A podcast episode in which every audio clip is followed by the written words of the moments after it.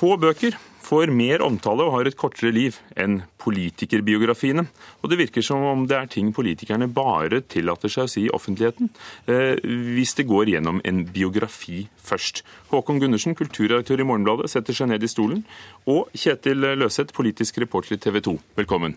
Takk, takk. Kjetil Løseth, hvilke av politikerbiografiene så du mest frem til å lese uh, i høst? Og jeg bare drar listen her. Det var Åslaug Haga, Kristin Halvorsen, Sylvia Brustad, Dagfinn Høybråten, uh, og så var det Ballo fra SV. Det var nok kanskje Kristin Halvorsen, Åslaug Haga, Dagfinn Høybråten som jeg forventet på forhånd at skulle være de tre mest interessante av de biografiene som kom i høst. Det var tre av fem, det, men du er jo også politisk reporter. Håkon Gundersen, hvilke gledet du deg til? Jeg gleder meg ikke til noen, noen, til noen av de, men jeg må si jeg var veldig overraska, gledelig, da jeg fikk se at det kom endelig en bok om Sylvia Brustad. Da trodde jeg ikke mine egne øyne. Hvorfor? Fordi at uh, I utgangspunktet så er jeg veldig interessert i det helt alminnelige. Og tittelen her er 'I partiets tjeneste'. Og hadde det bare blitt med den, så kunne vi som er interessert i helt vanlig, vanlige ting, vanlig politikk, jeg er fornøyd. Men så kommer det jaggu på løpende bånd en tre-fire andre uh, politiske biografier. Og det var det jeg reagerte på når jeg skrev den lederartikkelen i Morgenbladet forleden dag. Vi, vi, vi kommer til den. Ja. Er, du, er, du, enig i at, at Brustads bok har noe helt spesielt i forhold til de andre? Hun er jo litt lenger unna i, i tid, eh, politikken, enn de andre som har kommet med biografier i høst, hvor, hvor, både Kristin Halvorsen er jo den mest sentrale som fortsatt sitter i regjeringen mens det kommer ut en biografi om henne. Og det er jo klart at En biografi som er skrevet mens man fortsatt er aktiv i politikken, den er kanskje ikke eh, like eh, ærlig, eh, går like mye i dybden som en biografi som er skrevet etter at man har gått ut av politikken vil være. Denne uken skrev du altså, Håkon Gundersen, en leder i Morgenbladet der du omtaler politikerbiografiene som og jeg siterer deg, Dagsnytt 18-bøker. Eh, hva legger du i det, og er det noe av grunnen til at du ikke gleder deg til dem? Eh, ja, det er det underlige livet de har. Det virker som at de kommer da godt lansert fra forlaget og blir tatt opp av Politisk kvarter her i kanalen, og så i Dagsnytt 18 senere på ettermiddagen. Og eh, og så plutselig er det glemt eh, dagen eller to dager etterpå. Er han i TV 2 uskyldig? Han, han i TV 2 er akkurat like skyldig som de andre. og Jeg forstår ikke hvordan dere leser dette her. Dere må jo lese skrått og igjen en jafs for å finne noen såkalte poenger. Og som så forlaget altså utporsjonert til dere kanskje litt på forhånd også. Veldig mye av, av, den omtalen som er av disse bøkene, er jo nettopp på forhånd. Og det er jo fordi at forlagene eh, bruker eh, eh, bøkene nærmest, eller medieoppslagene nærmest som salgsplakater. De tror kanskje at de skal selge flere bøker når de går ut og forteller det som måtte være av nyheter før bøkene faktisk kommer ut. Men det er klart at når en eh, politiker som enten er sentral i dag, eller har vært sentral, kommer ut med bok, sånn som flere av de bøkene bøkene eh, som har kommet nå i høst, så setter vi som politiske journalister oss ned og så leter vi etter beskrivelser av enkeltsituasjoner som vi kjenner fra før. Altså Tilfører det et nytt perspektiv? Er det nye opplysninger som ikke var kjent på det tidspunktet Men er det ikke ubehagelig, da, for deg som politisk journalist å være en del av dette spillet? Føler du deg ikke som et gissel for forlagene her? At du bare gjør som de, eller danser som de vil? Men før du får svare, er det nødvendigvis et spill? For det er jo kanskje sånn at boken er et forum hvor de endelig tør å si ting. For de blir ikke motsagt uh, sånn som jeg gjorde med deg nå etter 20 sekunder. Jo, hadde det enda vært så vel. Men det er jo også sånn rigga til i bl.a. Dagsnytt 18, som jeg var opptatt av. det. At det skal være debatt, absolutt. Og så får du den der vanlige debatten. Og det helt vanlige, dønn kjedelige innenrikspolitiske dekningen, som, eh, hvor den ene dagen er den andre lik. Med stadig en ny bok som avslører litt. Av og i en bok er det ikke sånn at de faktisk endelig har funnet et sted hvor de får lov til å snakke ut, og derfor kommer det noe helt annet og interessant? Sånn som det blir dekka, så har ikke jeg følelsen av at, at, de snakker ut i det hele tatt. De blir imøtegått, og det er en sensasjon som ikke er sensasjoner, og det er gitt i en nyhetsform som ikke Ok, Føler du at du er med på et spill, som han ville vite? Nei, jeg gjør egentlig ikke helt det. Fordi, fordi at Hvis vi f.eks.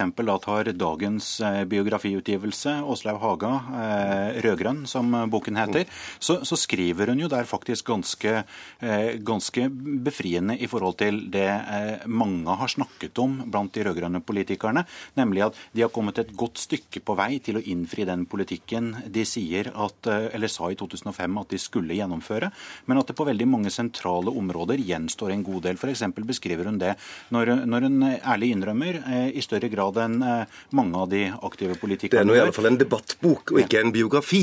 At, men, det skal man ha. ja, for, der, for der innrømmer hun jo bl.a. at jo, det har blitt flere fattige. Vi har ikke kommet i mål med, med det som var et av de aller viktigste prosjektene til de rød-grønne. Men det jeg lurer på er hvorfor det skal i bokform?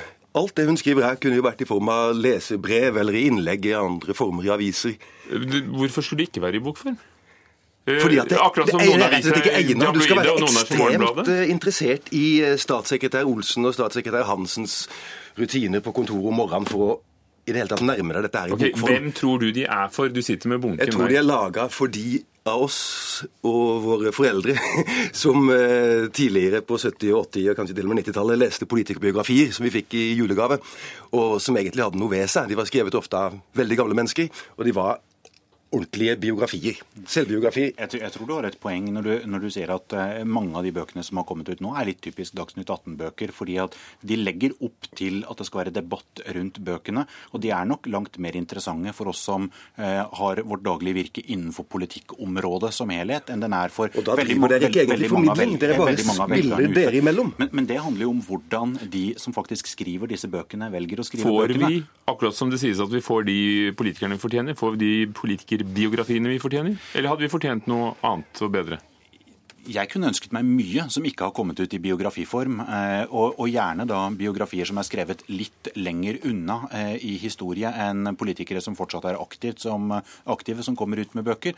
Fordi at jeg tror at eh, jo mer distanse de har fått til de faktiske hendelsene de skriver om, jo lettere har de for å skrive 100% ærlig om de hendelsene de var skriver. Var det sånn at det var noe mer ved Gerhardsen, Håkon Lie, Gro Harlem Brundtland, som Gundersen hevder?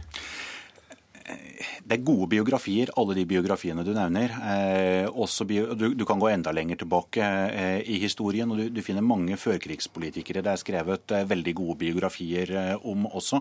Eh, det kan hende at eh, noen av grunnen til at de biografiene som kommer nå, er mer debattaktige, og ikke på en måte Mange tror at de ikke kommer til å ha et så langt liv. Ja, vi, vi er, at, er, at, de går litt, litt, for mye inn i dagsaktuelle situasjoner. Vi snakket med et forlag i dag, Cappelen Dam, for de har nemlig fire politikerbiografier på, på, listen denne høsten. Og de fortalte at bortsett fra noen unntak, så selger ikke politikerbiografiene særlig mye. Og, og, og likevel så har de altså en interesse av å gi dem ut.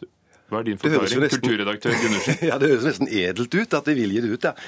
For det rare er jo at det aller meste kunne vært altså skrevet som Og da på de kjedeligste plassene i avisene. Mye av dette minner meg om de uendelige kronikkene til han, hva het han, Halvard Bakke. Det er som å lese en kronikk av Halvard Bakke ganger 30, altså. Nei, hvorfor de gir det ut? Det må være eh, i troen på at de likevel skal selge i kraft av at det blir diskutert på Dagsnytt 18 og i TV 2. Men, men, men der, de, der, de, er gode, det er jo der de kommer med nye eh, opplysninger, ny informasjon, der de er ærlige, der de beskriver i detalj interne prosesser. Hva var det faktisk som lå til grunn for at en regjering endte på alternativ A og ikke alternativ B? Hvem var det som vant den interne dragen? Det er interessant nok, men vi mangler jo i flere av disse f.eks. hva heter han? Øystein Djupedals uh, besyv med i saken. Kunne ja, Gjerne i samme bok, han og Kristin Halvorsen, eller han og Åslaug Haga. Kanskje du vil at Kjetil Løseth eller andre reportere skulle skrevet bok? Ja, akkurat Øystein Djupedal kunne i hvert fall vært en interessant biografi å lese. Men da må dere også ha tilgang til e-posten deres, iallfall. Hvilken er den beste biografien dere noensinne har lest av politikere? Håkon Gundersen i Morgenbladet. Mm, er norsken som står frem, den er jo ikke en selvbiografi, men det er han Olav Njølstad som skrev om Jens Christian Hauge. Men det var da også et mer spennende liv. Kjetil Løseth, politisk reporter i TV 2. Den kom bardust på. Eh, jeg tror kanskje jeg vil svare eh, biografien om Karl Joakim Hambro. Takk skal dere ha.